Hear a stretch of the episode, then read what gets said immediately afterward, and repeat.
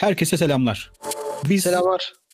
Abi ben bölmeyecektim tamam abi. sıkıntı yok. Orayı kesebiliyoruz ya ses kanallarımız Abi. ayrı. Cahilliğim için özür dilerim. O kadar rahatız ki teknoloji bizim yanımızda. Tamam. Biz teknoloji basınında uzun süre çalışmış iki kişi aynı zamanda teknolojiyi de çok seviyoruz. Dedik ki neden teknolojiyi bu şekilde yaya yaya konuşmayalım. O sebeple böyle bir program yapma ihtiyacı hissettik ve bu programda sizler için haftalık haberleri toplayacağız ve ilgimizi çeken başlıkları sizlerle paylaşacağız. Umarım, umarız bunlar sizin hoşunuza gider. Siz de bunları dinlersiniz. Biz de bunları boşa yapıyormuşuz gibi hissetmeyiz. Diyelim Sonra bir de bu tanıtımı bitirelim bir şeyle. Eğer siz de teknolojiyle yatıp kalkmasanız bile teknolojiye karşı bir miktar hevesiniz varsa sizleri bir miktar teknolojide her hafta bekliyor olacağız. Umarız her hafta görüşürüz. O zaman ilk bölümümüze başlayalım. Sayın Osman Oğuz Koral. Evet buradayım. Bugün gündemimizde bir tane çok büyük, onun dışında da çok da büyük olmayan haberler var. Biz de zaten direkt çok büyük haberle başlayacağız anladığım kadarıyla. Aynen onunla başlayalım. Çok sıkılırsak aralara küçük haberleri atarız. Gene Aynen. büyük habere geri döneriz diye düşünüyorum ben. Aynen peki bu çok büyük haberin içinde iki tane aslında haber var. Bir, bir daha büyük haber bir daha küçük haber. Hangisiyle başlayalım? En, en büyüğüyle başlayalım. Çünkü Tamam. muhtemelen biz başlığa da şu an onun adını yazdık. Evet o zaman Canon EOS R5'ten bahsedeceğiz. Evet Canon EOS R5 bugün duyuruldu. Ve hani 8K çekim yapabiliyor ve 8K'da RAW çekim yapabiliyor. Yani bilmiyorum nereye gidecek bu olaylar. İstersen direkt e, biraz teknikle başlayalım. Teknik özelliklerinden bahsedelim. Daha doğrusu 8K'da bizlere neler sunuyor ondan bahsedelim. Daha sonrasında Türkiye koşullarında ben biraz fiyatıyla ilgili konuşmak istiyorum. Türkiye koşullarında biz ağlarız. Yani öyle böyle ağlamayız. Çok ağlarız. Muhtemelen biz e, Canon Showroom'a gidip bir dokunuruz buna. İçimizden takdir ederiz evet güzel makineymiş diye sonra sessizce ayrılırız diye düşünüyorum. Yani evet aslında iki tane cihaz tanıtıldı. EOS R5 ve R6. R5 daha gelişmiş bir cihaz R6'ya göre ve daha büyük ve daha yüksek çözünürlüklü bir sensöre sahip ve 8K videolar çekebiliyor. Ve bu 8K videoları 10 bit çekebiliyor. Üstelik 4-2-2 çekiyor bunları. Yani şu an piyasada ne diyelim oraya? Ya sinema kalitesinde desek yanlış olmaz.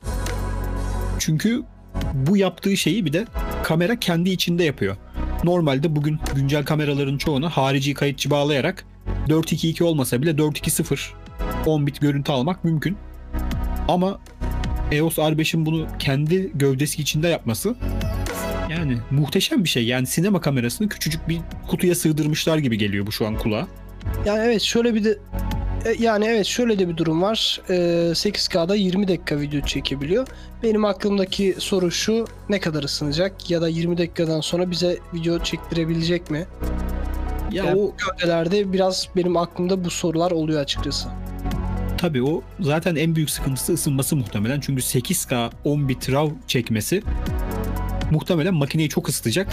Sinema kameraları bile mesela hani Canon'un bu segmentte full frame sinema kamerası olarak C500 var. Yani C500 body olarak çok büyük. Makinenin üstünde iki tane çok büyük fan var içeriye hava Yine de çeken. ısınıyor. Yine de ısınıyor ve bu yani fan var yani bu cihazda. Aktif olarak soğutuluyor bu cihaz.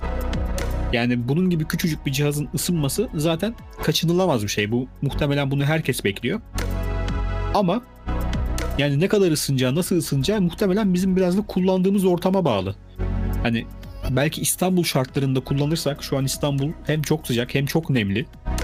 Yani belki 20 dakika bile çekemeyebiliriz. Ama yeri gelir belki daha böyle serin bir yerde çekersek belki 20 dakikanın da üstünde kullanabiliriz diye düşünüyorum ben. Yani evet e, bu arada cihazlar çok hafif.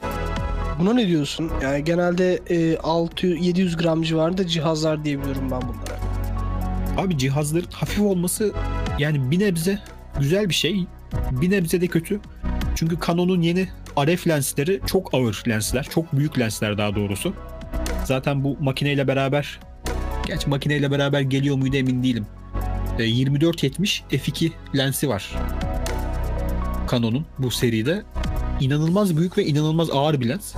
Yani makineyle beraber muhtemelen dengesiz olacak taktığımızda ama bilmiyorum belki şey takıyorsak bateri grip falan taktığımızda dengelemesi için makineyi bu kadar hafif yaptılar. Aynı zamanda bu cihaz 4K'da da 120 kare çekiyor. Ve yani konudan çok fazla uzaklaşmadan 8K'dan çok fazla uzaklaşmadan şunu söylemekte fayda var. Abi bu cihaz 8K çekerken crop atmıyor. Aynı zamanda da dual piksel autofocus çalışıyor yani. Mesela Yani- bugün en iyi sinema kamerayı da alsam dual piksel autofocus yok içinde. Evet. Şimdi e, istersen bir de 6'dan bahsedelim. Bu arada tarih de vermedik. Bunların çıkış tarihleri doğrudan aslında belli oldu. Evet belli oldu. Yani bizi ilgilendirmiyor çok çıkış tarihi de. Evet çünkü aslında e, çıkış tarihinde dediğin gibi anca gidip bir herhalde dokunur geliriz. EOS R5'in fiyatı 3899 dolar civarında. Bu da sanırım Türkiye'de yaklaşık bir 40 bin 50 bin lira civarında olur diye düşünüyorum ben. Yani inanılmaz ya. Pahalı cihaz yani. Ama bu kadar özelliği de tek bir yerde sunuyorsa azıcık da pahalı olsun ya. Zaten herkes almaz bunu. Ya evet ben kendi adıma düşünüyorum. Hani e, benim param var, denemeyi seviyorum. Alır mıyım, almaz mıyım diye düşünüyorum. Yani çok emin olamıyorum aslında. Yani yani çok yeni sunacak bu kadar yüksek performansı 8K'da e, RAW çekmeyi. Bilmiyorum hani neler yaşatacak bize. Ben bir süre gözlemlemeyi tercih ediyorum açıkçası böyle durumlarda. Ya zaten bizim 8K işleyecek bilgisayarımız da yok da. Yani, Yani evet yine de- olsaydı diyorum ben olsaydı. Ve EOS R6 var. Şimdi e, ilginç bir durum var. R5'in Evet. Daha fakirler için R6'yı çıkarmışlar. Evet ve hani e, R5 çıkardık biz hani alın bekleyin biraz bununla böyle bir görün. Siz sonra idare edin diye yaklaşık bir ay sonra EOS R6 çıkıyor. E, şöyle R5 45 megapiksel bir sensöre sahipken R6 20 megapiksel bir sensörle birlikte geliyor. Yani Evet. e, şimdi fotoğraf tarafında düşünürsek şimdi ISO tarafına bakacak olduğumuzda R6'nın ISO performansı R5'e göre ya daha doğrusu performans demek çok doğru olmaz. Aralığı, ISO aralığı daha yüksek. Evet. Şimdi e, daha düşük sensörde daha yüksek veriyor biri. Bilmiyorum ben e, ikisini elime alıp bir kullanmadıktan sonra bu fotoğraf tarafında ISO performans tarafında bir şey söyleyemeyeceğim. Ama e, R6'da arkadaşlar 8K video beklemiyorsunuz. R6 4K'da bırakıyor size. Evet 4K 60 kare çekiyor. Hatta R6 ile ilgili şunu da söylemekte fayda var. Bu hani 20 megapiksellik sensör belki kulağa şey geliyor olabilir 45'ten sonra. Ya bu neymiş canım yarısından bile düşük diye olabilirsiniz. Ama bu sensör e, geçtiğimiz yıl çıkan Canon 1DX Mark 3'te kullanılan sensörün aynısı. Yani şu an R5 çıkana kadar Canon'un en iyi sensörü oydu. Yani şu an Canon hem yepyeni bir sensör çıkardı çok iyi bir düzeyde ve bir önceki iyi sensörünü de bir düşük model kamerasına koydu. Yani benim beklentim R6'nın daha çok fiyat performans odaklı olması yönünde. Muhtemelen dediğin gibi düşük ışıkta R5'ten daha iyi iş çıkaracak gibi geliyor bana. Bana da öyle geliyor. Ama şöyle bir hatırlatma yapmak isterim herkese. Arkadaşlar sensör konusunu sakın telefonlarla karıştırmayın. Telefonlardaki o 60 megapikselmiş, 100 megapikselmiş. Bunlar yalan dolan pek o taraflara inanarak e, yok 20 megapiksel, 20 megapiksel küçük e, yani az gibi şeyler düşünmeyin. Bunlar e, tamamen işinize yarayacak, tamamen e, hiçbir sıkıntı yaşamadan kullanacağınız devasa sensörler, megapikseller. Yani böyle diyelim. O zaman bu konuyu kapatalım. Senin bu EOS R'larla ilgili eklemek istediğin başka bir şey var mı? Yani aslında bunları daha çok konuşuruz da kısaca Evet. şeyi söyleyeyim. Yani body'leri birbirlerine çok yakın olmasına rağmen çok güzel bir geliştirme yapmışlar. Örneğin e, EOS R'da kimsenin kullanmadığı, kullananların da nefret ettiği o e, çift yönlü bir dokunmatik çubuk vardı arkada. Evet. Onu kaldırmışlar. Onun yerine Allah razı olsun bir joystick koymuşlar sonunda. Herkesin istediği. Ya O konuda gerçekten kullanıcıları dinlemişler. Bir de e, aşağıdaki yön tuşları normalde şeydi, D-pad'ti yani dört yönlü tuştu. Onu da hem dört yönlü tuş hem de tekerleğe çevirmişler. Abi ben bu tekerleğe bayılıyorum. Muhteşem bir şey ya. Ve Bence her makinede olması gereken bir şey. Evet. Çünkü eksikliğini hissediyorsun o tekerleğin. Evet kesinlikle. O yüzden yani kullanıcıları dinlemeleri güzel. Ekran öne dönüyor. Yani kimse 50 binlik cihazla vlog çeker mi bilmiyorum ama ekran öne dönüyor. Ondan da mahrum bırakmamışlar bizi. Onun dışında da zaten Almışken çekerdim abi biliyor musun? E, mutlaka yani biz de gitsek bir deneriz. Ha bu arada lafını bölmüş gibi oldum ama önemli bir detay var. Şu an benim önümdeki listede yazmıyor. Şu an aklıma geldi. Başka bir yerde okumuştum. E, bunlar Canon'un bugüne kadar bilinen e, LP6 mı? LPE6 mı bataryaları? Hı hı. LPE6 bataryalarıyla çalışıyor. Fakat bu bataryalar yenilenmiş. Yani şey olarak, boyut olarak, soket olarak aynı olmalarına rağmen bataryaların sonuna yeni bir harf eklemişler. H harfi. Görünüm olarak aynı. Üzerlerinde yeni de sarı bir renk var. Sarı bir etiket yapmışlar. Eski bataryalara göre %30 daha fazla performans verdiği söyleniyor. Bir de bu cihazların EOS R5 ve R6'nın e, içindeki çipler sayesinde, işlemciler sayesinde bu bataryalardan e, daha güzel güç çektiği söyleniyor. Ama eski bataryaları da kullanabiliyoruz yani. Onları da çöp atıyoruz. Tamam. Eskilerden de hani ne bileyim EOS R kullanıyorsan ya da 5D Mark 3 Mark 4 kullanıyorsan onda kullandığın bataryayı bu cihaza takabiliyorsun ve Mark 3'tekine Mark 4'tekine göre daha iyi performans veriyor. Evet ya ben Canon o huyunu çok seviyorum. Mark 3, Mark 4'ü geç. Mesela 60D'de de aynı batarya. Abi EOS 5D Mark 2'den beri mi 5D Mark 1'den beri mi aynı batarya? Değişmedi yani. Evet. Ya bir de çok büyük olay ha bu. Muhtemelen şeyden beri yani 5D Mark 2'nin çıkışından beri Canon'un en önemli cihazı diye düşünüyorum ben. Evet. Güzel Peki şimdi böyle tarih şey yapalım mı? Tarih dersi yapalım. Peki 5D Mark 2 neden önemliydi? 5D Mark 2 neden neden önemliydi ya? 5D Mark 2 çıktığında video modunu eklediler. 24 kare Full HD video çekebilme özelliği verildi kameraya. Ve Ben- o dönemde o kadar ucuza full frame video çekebileceğin ve ISO performansı o kadar başarılı video çekebileceğin başka makine yoktu. Bence- Dolayısıyla hani bu bugün şey diyoruz ya işte hepimizin biosunda videographer yazıyor ya.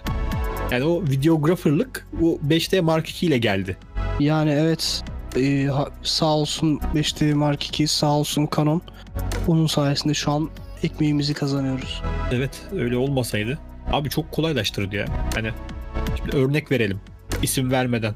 Senin mesela eski çalıştığın yerde kameralar bu kadar küçülmüş olmasaydı bu kadar çok video çekilebilir miydi? Kesinlikle hayır. Ya ben sana şöyle söyleyeyim. Ben eskiden e, televizyonda çalışırken mesela devasa kameralarla iş yapıyorduk. Onların zaten kendine ayrı e, kızakları var, kendine ayrı kafaları var, şeyleri var, tripodları var bazı kameraların. Yani tamamen eziyet. Biz Tabii bir e, kaset varsa işin içinde. ya kasetli çalışmadım ben çok fazla. Sadece e, hani anca arşive gidip arşivden kasetleri alıp çevirdim yani. O, o kadar. Kasetli çalışmadım açıkçası. Abi kaset yani şöyle bir dert. Mesela millet şu an şikayet ediyor. İşte diyor ki abi 4K video çektim aktarırken 20 dakika sürüyor falan diyor mesela. Abi kasetliyken 1 saat video çekiyordun aktarırken garanti 1 saat sürüyordu. Evet. Yani çünkü çektiğin her şey oynatıp tekrar bilgisayara kaydediyordun o görüntüyü yani. Abi ben şükredin. Yatıp kalkıp şükredin yani. Siz y- 128 GB'lık görüntüyü 20 dakikada atıyorsanız şükredin bence. Teknoloji o yüzden güzel bir şey. Bir miktar teknoloji fena olmaz yani. Bir sonraki haberimiz. Belki birçoğunuz için hiç önemli olmayan, belki birçoğunuzun hiç umursamayacağı iOS 14 bugün public beta'ya çıktı. Yani bu demek oluyor ki çok kısa bir süre sonra yavaş yavaş telefonlarınıza gelecek. Çok kısa dediğim işte Eylül, Ekim. Eylül'de miydi bunların şeyi, etkinliği? Evet. Eylül'de. Tabii Temmuz'dayız zaten. Yani iki ay sonra muhtemelen iOS 14'ün final versiyonu gelecek. Ve eğer izlediyseniz, bu güzel özellikleri gördüyseniz siz de bunları iki ay sonra, bilemediniz 3 ay sonra telefonunuz destekliyorsa kullanabileceksiniz. Ya ben bu konuda şöyle bir şey söylemek istiyorum. Bir, arkadaşlar asla beta yüklemeyin. Yüklemeyin. Evet. Bekleyin. Ee, ikincisi de ee, çok Android olmamış mı? Abi olması gerekiyordu ama. Bence de bence de gerekiyordu açıkçası. Ama ben insanları bunu kabullendiremiyorum şu an. Yani ben mesela şey yapmadım. Hani önceden bu e, işletim sistemi savaşları dediğimiz olayda Android çok daha gerideyken hani Android iPhone'dan bir takım özellikler aldı. Evet kesinlikle. Ya zaten birbirinden almadan ilerleyemezsin. Olmaz.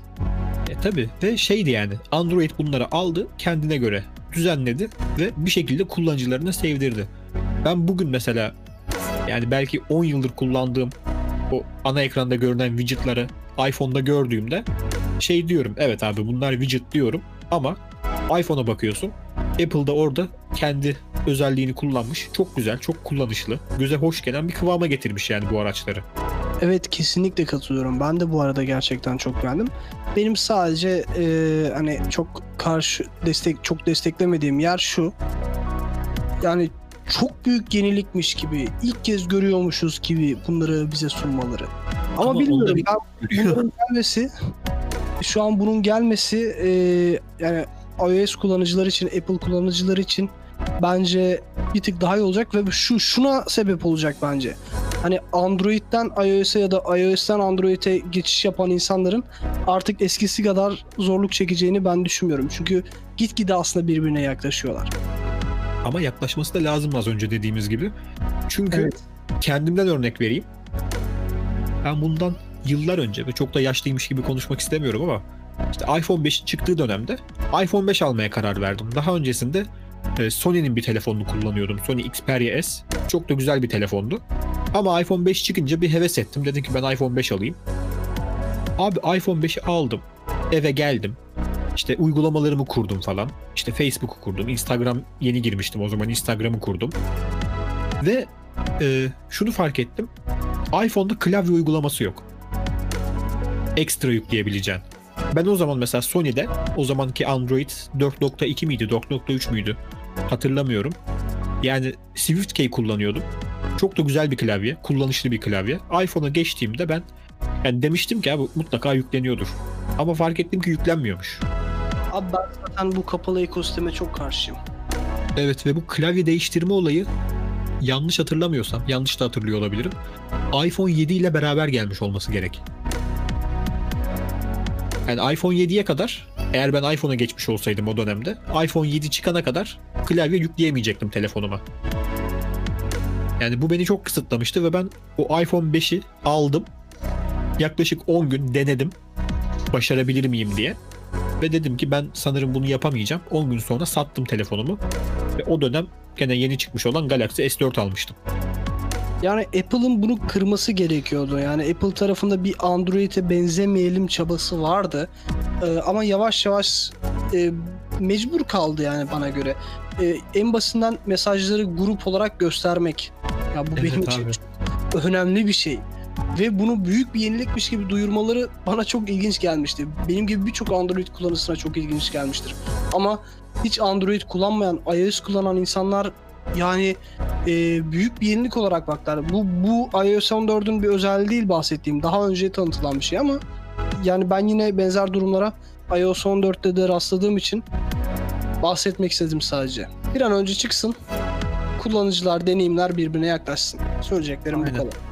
Yani bir de yani iOS 14'ten son bir şeyden bahsetmek gerekirse ultra yenilik olarak söyledikleri uygulama çekmecesi var. Artık bütün uygulamalarınız ana ekranda gözükmeyecek. Bütün uygulamaları tek bir sayfada görebileceksiniz. E, Harika, inanılmaz bir yenilik. Eşsiz galiba. Ya ben daha önce hiç böyle bir şeye şahit olmadım. Evet abi bunu hemen Google'a mail atalım mutlaka onlar da yapsınlar. Bunca yıl niye akıllarına gelmemiş acaba? Bilmiyorum. Aa, bir dakika sanırım yaptılar 2007'de. Evet ya hadi be. 2007 Ya yanlış anlaşılmasın. Ee, iOS'e saygım sonsuz. evet Ama çok güzel. Çok güzel ekosistem. Ee, sadece çok uzun zamandır diğer ekosistemlerde var olan, diğer işletim sistemlerinde var olan şeyleri alıp büyük bir yenilikmiş gibi sunmayın. Biz de yaptık deyin. Dürüstçe söyleyin arkadaşım ya. Biz de yaptık deyin. Evet. Benim mesela beklentim yani bunda göremedim. Herhalde 15'te ya da belki bir sonraki versiyonda göreceğiz. Abi bildirim ekranının bence biraz daha düzenlenmesi lazım. Çünkü bildirim ekranı şu an kilit ekranı gibi gözüküyor. Hatta kilit ekranı yani yukarıdan çektiğinde kilit ekranına gidiyorsun bildirim için. Evet. iOS'te ve yani bence ne bileyim Android'deki gibi olmasa bile Apple burada da o kendi farkını, kendi görsel tasarımını konuşturup bence güzel bir şey yapabilir ki bence yapması lazım artık. Bence birkaç yıl içerisinde Apple'ın duyuracağı şey şu olacak.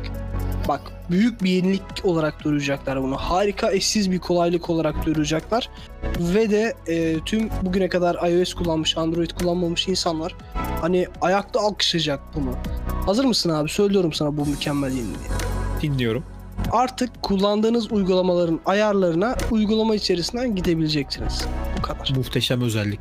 Yani mesela kameranın e, sen ayarını mı yapmak istiyorsun? Mesela megapikselin çözünürlüğünü mü değiştireceksin? Bunun için ayarlara gitmene gerek yok. Artık ne yapacaksın?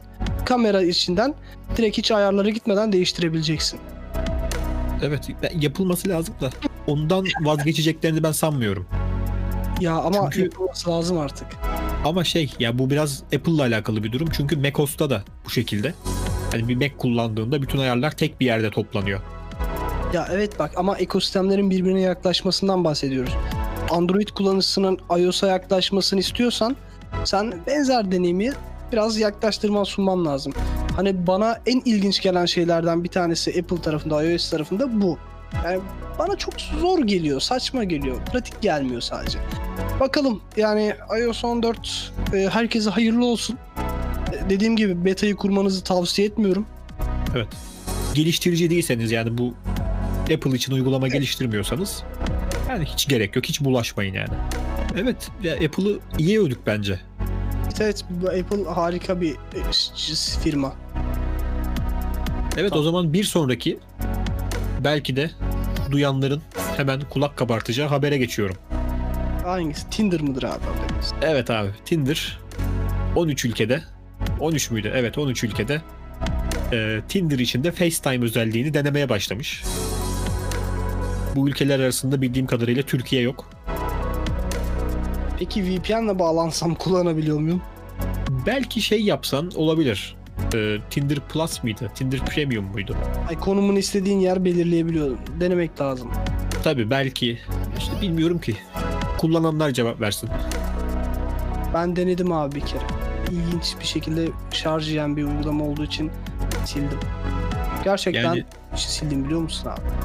şarj yer, şarj yermesi mantıksız değil. Çünkü sürekli konum arkada açık. Ha İşte aynen arka planda sürekli konumu kullanıyor anladığım kadarıyla ve ben zaten bundan bir rahatsızdım ve direkt kaldırdım. Ama şöyle bir şey söyleyeceğim abi. Görüntülü sohbet yani e, biz, ben bizim ülkemiz için düşünüyorum bunu. Ne göreceğimi pek bilmiyorum açıkçası ben. Evet bu muhtemelen FaceTime olmayacak. Biz orada face göremeyeceğiz gibi geliyor bana. Aynen bana da öyle geliyor. Biraz sanki Omegle'ye kayacak gibi geliyor bana Tinder. Bu, Mayın tarlası gibi olabilir evet. aynen. Ama beni asıl düşündüren hani güzel bir özellik, güzel bir şey deniyorlar. Peki şeyi nasıl engelleyecekler? Tut ki e, sen bir hanımefendiyle eşleştin ve görüntülü olarak konuşmaya karar verdiniz.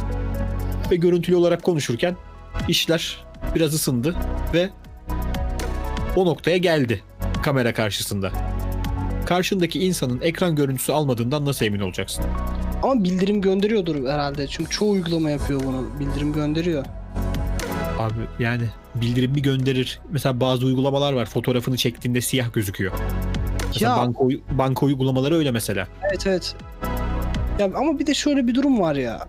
Yani sen orada fotoğrafının gör çekilmesini kaydedilmek de istemiyorsan yani kullanma. Ya ben de istemem de ya o kadar da gizlilik içinde olmak istiyorsan yani zaten girme. Ama şimdi Tinder'ın zaten amacı o ya hani mesela eşleşiyorsun, konuşuyorsun ama ne bileyim mesela eşleştikten sonra konuştuğun anlaşamadın. Eşleşmeyi kaldırdığın anda mesela bunun sana bir daha bir geri dönüşü olmuyor. Bitiyor yani o konuşma. Ha, sen diyorsun ki bunu aleyhinde kullanılabilir. Evet yani hani Sen de Bunu- onun aleyhinde mahkemede çok güzel kullanırsın ama. Sonra abi mahkemeye kadar gittikten sonra ben bir şey kullanmamın önemi yok yani orada. ya evet o mahkemeye giden çevrene de gider diyorsun. Yani önemli olan çevre değil orada. Hani o Tinder mesela insanlara o güveni veriyor abi. Sen konuşmadan sıkıldın ya da işte anlaşamadın. Basıyorsun çıkıyorsun. Ve bir daha geri dönüşü olmuyor bunun. Yani nasıl Yani... yani İzin vermez dediğin gibi o zaman. Yani görüntü kaydetmeye izin vermez diye düşünüyorum. Umarım öyle olur. Çünkü burada şey diyor şu an deneme aşaması olduğu için tabii bir de bir e, görüntülü görüşme sona erdiğinde iki tarafa da birer tane mesaj gidiyormuş. Tinder tarafından diyormuş ki bu kişiyle tekrar görüntülü görüşme yapmak ister miydiniz? Diyormuş. Yani aslında şu an deneme aşamasında olduğu için muhtemelen e, görüşme esnasında karşı taraf sana pislik yaptı mı yapmadı mı öğrenmeye çalışıyor muhtemelen Tinder. Ya aklıma bir uygulama geldi. İsmini bilmiyorum. Türk yazılımcılar geliştirdi diye biliyorum. Bir Türk uygulaması diye biliyorum bunu. Muhtemelen de o yüzden bir haberde falan okumuşumdur. İlginç bir şey. Ve Tinder'ın şu özelliğinden daha çok bana dikkat çekici geldi. Bilmiyorum konuyla biraz alakası olabilir ama. Ee, uygulama yine eşleşme uygulaması, match uygulaması. Ee, seni karşında işte karşı cins biriyle ya da ilgi duyduğun bir cinsle eşleştiriyor ve sana 30 saniye veriyor görüntü açmadan, kamera açmadan 30 saniye boyunca konuşuyorsun sesli. Eğer ki anlaşırsan daha sonrasında kamera açılıyor. Yani 30 saniye içinde geçmezsen. Hmm. İlginç. Bu da ilginç bir şey. Hiç duymadım biliyor musun o uygulamayı? İsmini şu an ben de yok yani bende de yok. Ben haberde okudum bu kalmış yani aklımda. Ee, Ama ilgi- güzel bir konseptmiş yani. Abi konsept, konsept aklımda kalmış zaten sadece benim. Peki bir sonraki habere geçelim abi. Geçelim. Bir sonraki haberimiz. Artık yani derdini seveyim diyeceğimiz bir haber. LinkedIn artık e, profilimizde adımızın telaffuzunun nasıl yapılacağını anlatabilmemiz için ses dosyası yüklememize izin verecekmiş. Eğer yabancılarla çalışıyorsanız ve yabancılar sizin adınızı okumakta zorlanıyorsa siz kendi adınızı okuyup bunu LinkedIn'e yükleyeceksiniz ve sizin profilinize giren aa demek bu çocuğun adı böyle okunuyormuş diye Buna iş vermeliyiz falan. Ne bileyim. Evet. Ne kadar bilgilendim bugün diye size iş verebilecek belki de. LinkedIn sıkılmış abi. Abi 10 saniyeye kadar e, bir kayıt imkanı verecekmiş. 10 saniyede neler söylenmez. Bakalım. Çok ilginç şeyler koyabilirim o 10 saniyede LinkedIn profiline. Şimdi gelelim bu sona sakladığımız habere. Evet. Beni beni çok heyecanlandıran, beni düşündüren, elimdeki telefonu sorgulattıran habere. OnePlus yeni bir seriyle Nord ismini verdiği yeni bir seriyle 21 Temmuz'da yeni bir lansman. Ne kadar yeni dedim ya. Yeni bir lansman yapacak. Yeni bir ürün tanıtacak. 500 dolar altında bir telefon tanıtacak. Bence olması gereken şeylerden biriydi. Yani 500 doların altında telefonlara daha çok telefona ihtiyaç var. Benim görüşüm bu. Tabii bunlar Türkiye'ye gelince bir tık fiyatları artıyor ama e, yani bunları Türkiye fiyatına göre çok değerlendirmek doğru değil. Son- Sonuçta bu küresel bir pazarı olan bir ürün. Yani İşte- orta üst segment bir cihaz olarak da bakabiliriz buna ve bize bayağı bir şey sunuyor. Yani bir e, hızlı şarj sunuyor. Ne kadar sürede şarj olur bilmiyorum ama 30 watt desteğine sahip 4300 miliamperlik bir bataryası var. Ya, muhtemelen yarım saatte %40-%50 şarj eder. Evet. Çünkü benim telefonum çok eski olmasına rağmen, çok eski dediğim de bu arada 3 yıllık. Ee, çok eski olmasına rağmen benimki de mesela yarım saatte bir %50 şarj ediyor. Evet. Yani ekran tarafında 6.55 inçlik OLED ekrana sahip bir 90 Hz yeni, 90 Hz'lik yenileme hızına sahip bir ekran var. Yani 6.55 inç biraz fazla büyük bana göre. Ee, şimdi ekran tarafında başka detaylar vermişler mi? Çözünürlük falan ben şu an önümde göremedim ama Çözünürlük muhtemelen Full HD olur. Yani 6.55 inç Full HD olmazsa zaten yani daha yüksek çözünürlük ister gönül ama bu kadar büyük bir ekranda hani daha yüksek çözünürlük de yani şarjı daha fazla götürecektir. O yüzden senin dediğin gibi ben de Full HD bir çözünürlük bekliyorum. Aynen muhtemelen Full HD olacak. İşte ekranla ilgili bildiğimiz şey var. Ee, Samsung'un kullandığı e, kameralar ekranın içinde delik şeklinde. Evet. Ne deniyor? Türkçesini hiç hatırlamıyorum ne dediğimizi. Bir Yani- ekran diyen var işte. Delik ekran işte evet. Tam olarak Türkçesi aslında o. Ve asıl yani 500 dolar altında olmasına rağmen insanları heyecanlandıran, heyecanlandıran özelliklerden biri e, Snapdragon 765G serisi işlemciyle gelecek ve bu işlemci 5G destekliyor. Yani bilmiyorum artık ilk başlarda 5G destekli işlemcileri duyunca çok heyecanlanıyordum. Ama artık heyecanlanmıyorum. Yani hala bana Türkiye'de uzakmış gibi geliyor çünkü. Çünkü ben bu telefonu aldığımda 2 yıl sonra mı 5G'ye geç deneyimleyeceğim? 3 yıl sonra mı? Zaten ben o süre zarfında yeni bir telefona muhtemelen ihtiyaç duyacağım. Yani şu dönemde o yüzden çok beni bunlar heyecanlandırmıyor. Yani bakalım şu an telefonun özellikleri çok güzel gözüküyor. 21 Temmuz'da bir e, sanal etkinlikle başlayacakmış. Evet. AR destekli bir etkinlik yapılacakmış. Etkinliğe katılacak kişilere kod gönderilmiş. Yani OnePlus bu yola çıktığında zaten daha e, nasıl diyeyim? Affordable'ın Türkçesi ne ya? Hmm, Ha şey. OnePlus bu yola çıktığında daha bütçe dostu telefonlar üretme amacıyla çıkmıştı. Ama son 2 senedir OnePlus'ın da fiyatları yükseldi. Çünkü en yüksek seviyedeki telefonların fiyatları yükseldi. E Şimdi OnePlus kendi aslında bütçe dostu olarak çıktığı yolda kendi içinde daha da bütçe dostu bir seri üretmeye başlayacak. Bakalım. Yani bir de rekabet etmesi lazım. Ee, bütçe dostu bütçe dostu telefon üretirken sen diğer üreticilerin çok altında kalırsan sana da bakan olmaz. Onlara bir tık yaklaşman gerekiyor yani. OnePlus o bak orta segment de demiyorum. Orta üst segment diyorum ben bu cihaza. Çünkü bayağı bir şey sunup e, yine diğerlerine göre yarı fiyat da sunabiliyor. Yani Evet, bence mesela- güzel. Merakla bekletiyor beni de bu açıkçası. Evet 6 GB RAM'i var mesela. 128 GB hafızası var. Muhtemelen hafıza kartı desteklemeyecek. Çünkü ben OnePlus'ın hafıza kartı desteklediğini görmedim. Şimdiye kadar hiçbir telefonda kullanmadılar. 6 GB RAM belki kulağa düşük gelebilir. Çünkü benim telefonum 3 yıllık olmasına rağmen bende bile 8 GB var. Ama yani dediğimiz gibi orta üst segment için bir de 500 dolar olarak düşünürsek, yabancı fiyatıyla düşünürsek, Türkiye'deki vergileri katmadan düşünürsek çok iyi telefon. Evet. Keşke Güzel. vergisiz alabilsek ama alamıyoruz ki. Neyse çok girmeyelim o konulara. Türkiye ya Türkiye'de 7000 lira civarında düşünebiliriz bu telefonu. evet muhtemelen ye- gelirse tabii o da. Hani belki bu kadar ucuz bir telefonu bu kadar pahalıya getirecekleri için hiç gelmeye de bilir. Evet. Çünkü şey geldi yanlış hatırlamıyorsam. OnePlus 8 Pro geldi. Hı hı. Biraz biraz değil bayağı yüksek geldi yani. Kimse o kadar para vermez abi kimse. Ya ben telefona o kadar para vermem. En iyisini de alacak olsam vermem yani. Vermiyorum ben de vermiyorum işte ben, ben eee, telefonda yani şu an kanaatim benim hani asgari ücretin bir tık üstünden fazla vermemek. Abi o bile çok aslında.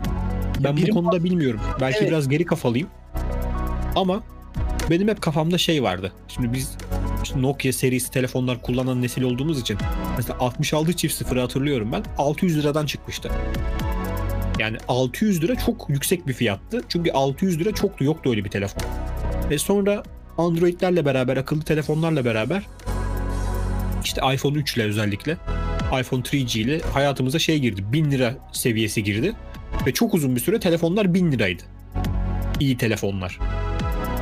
Abi sonra çaktırmadan 1500 oldu. Çaktırmadan 2000 oldu. E şu an en son çıkan işte iPhone 11 Pro Max almaya kalktığınız zaman 16 bin lira para ödemeniz gerekiyor. Abi Ki şimdi şey Şaka boyutu, gibi yani. eee, Mate XS falan var yani 30 bin lira civarında. Ama o biraz da şey abi hani Fantezi türünün tek örneği o yani. Başka yok yani ondan. yani. Ama sonuçta baktığımızda şu an 30 bin liraya bir telefon var. Yani Var evet. kim yapar bilmiyorum ama e, ben de seninle aynı fikirdeyim bu arada. Hani birim bazlı düşünüyorum. Ben yıllar önce e, öğrenciyken gidip kendi biriktirdiğim parayla o dönemin en iyi telefonlarından birini almıştım. Tam 403 liraya almıştım. 63 çift sıfır. Nokia 63 çift sıfır. Of harika telefon. Ve hani o metal kasası falan böyle inanılmaz güzel bir telefondu ya. Benim çok Tabii hoşuma canım. Kavgaya gir yani o telefonla. Evet. 403 liraya almıştım ben bunu. Çok net hatırlıyorum. Ve inanılmaz güzel bir ya. O telefon o dönemin en iyi telefonlarından biriydi ya. Hani eee, bilmiyorum şey diyemiyorum. Hani Samsung E250 dediğimiz telefon bir ara 200 250 liraya satılıyordu. O Tabii. da herkesin aldığı ve herkesin hayranlık duyduğu telefondu. Hani 250 liraya satılan bir telefon. Mesela gene Nokia'dan örnek vereyim. Hatırlıyorsundur Nokia 5800 bu. Evet. E, yatay olarak kullanabildiğin tam dokunmatik olmayan ama bastırmatik olan telefon. Evet. Yanında kalemiyle gelen. O mesela 400 450-500 lira civarındaydı ve muhteşem bir telefondu dönemine göre. İşte Yani o dönemde Evet. iPhone 1000 liraydı abi. Abi Apple düşmanı olacağım ya. Apple ya bunun Apple düşmanlığıyla alakası yok. Hani şeye de bakmak lazım. O Sundukları dönem mesela e, şeydi. Hani Apple da o zaman çıktığında 300 dolardan çıkıyordu. Şimdi Evet. 1000 dolardan çıkıyor. O da fark ediyor da yani biz de arada neyse çok şey yapmayalım yani Türk lirasının değer kaybetmesi ekstra binen vergiler biz yani bu farkı çok daha fazla hisseden ülkelerden biri olduk gibi geliyor bana. hem de nasıl. Yani şu an birim bazlı düşünürsek e, 1100 liraya çıkan bir telefonu biz e, 16 bin liraya alıyoruz. Söyleyeceklerim bu kadar. E, Yani Türk lirası dediğin gibi değer kaybetti. E, umarım bir an önce toparlar. Umarım vergiler bir an Umarım. önce düşer. Umarım biz de e, cihazları daha ulaşılabilir bir hale getirip yani daha çok teknolojiye ulaşırız. Biraz daha teknolojiye ulaşırsak daha iyi olur diye düşünüyorum ben. Umuyoruz ki diğer firmalarda OnePlus gibi daha e, bütçe dostu telefonlar yaparak bizlere destek olurlar. Çünkü onlar bütçe dostu telefon yaparsa biz daha rahat alırız. Çünkü ne gerek var en üst seviye telefon almaya? Kimsenin ihtiyacı yok çünkü. Yani ben e, bazıları evet kamerası için alıyor ama benim zaten kameram var. Bazıları işte başka bir şey için alıyor. Bende o var ya. Benim ona ihtiyacım yok belki de. Evet, benim ben için daha bütçe dostu telefon. Ve böyle telefonlar açıkçası ben daha çok takip ediyorum. Yani amiral gemisi telefonlardansa orta segment, orta üst segment telefonlar benim daha çok dikkatimi çekiyor. Sen de dediğin gibi umarım e, tüm firmalardan bu tür yenilikler, bu tür cihazlar gelir. Hem bir rekabet ortamı oluşur, fiyatlar düşer. Hem e, seçeneklerimiz artar. Yani güzel olur diye düşünüyorum ben. Evet. bence de harika. öyle abi. Çünkü şimdi başka bir size şeyden konudan örnek vereceğim de hani bugün araba almak istediğin zaman her zaman en iyisini almıyorsun. Bakıyorsun bütçene. Evet, kesinlikle. Hani burada maksat şey değil mi abi? Ayağımı yerden kessin değil mi? Yani en iyisini almaya gerek yok abi. En iyisini elbette gönül ister alalım. Ama yani işimizi görsün. Şarjı uzun gitsin, ekranı güzel olsun. Sesimiz karşıya güzel gitsin. Yeter abi daha ne olacak? Katılıyorum abi. O yüzden böyle alakasız bir konuyla programı bitirelim. Nasıl oldu sence Oğuz? Yani ilk programın günahı olmaz diye düşünüyorum ben. Ee, yani dilimiz sürçtüyse affola. Yanlış bir şey söylediysek affola. Teknoloji konuşmayı ben seviyorum. Sen de seviyorsun. Senin de dediğin gibi ikimiz de uzun yıllar teknoloji sektöründe yer almış, teknoloji basında yer almış ve teknolojiye ilgi duyan insanlarız. Hem takip etmeyi seviyoruz hem konuşmayı seviyoruz. Yani siz de teknolojiyi takip etmeyi seviyorsanız, teknolojiyi merak ediyorsanız bizim gibi konuşmayı seven de insanları bulursanız ben dinleyin derim yani karşılıklı konuşuyormuş gibi hissedersiniz siz de. Umarım siz, umarım size bunu geçirmişizdir. Benim söyleyecek Ben bu, ben bu konuşmayı alayım. Podcast'in başına koyayım. Çünkü buraya kadar dinlemedilerse bu konuşmayı muhtemelen duymayacaklar. yok yok tamam kalsın hadi şey yaparız. A- ara ara giriyormuşsun abi bunları böyle. Ara- Eşe dosta şimdi bu podcast'i herkese göndeririz. o zaman senin de dediğin gibi bir miktar daha teknoloji biriktirip geleceğiz. Hoşçakalın. Evet kendinize çok ama çok iyi bakın. Görüşmek üzere.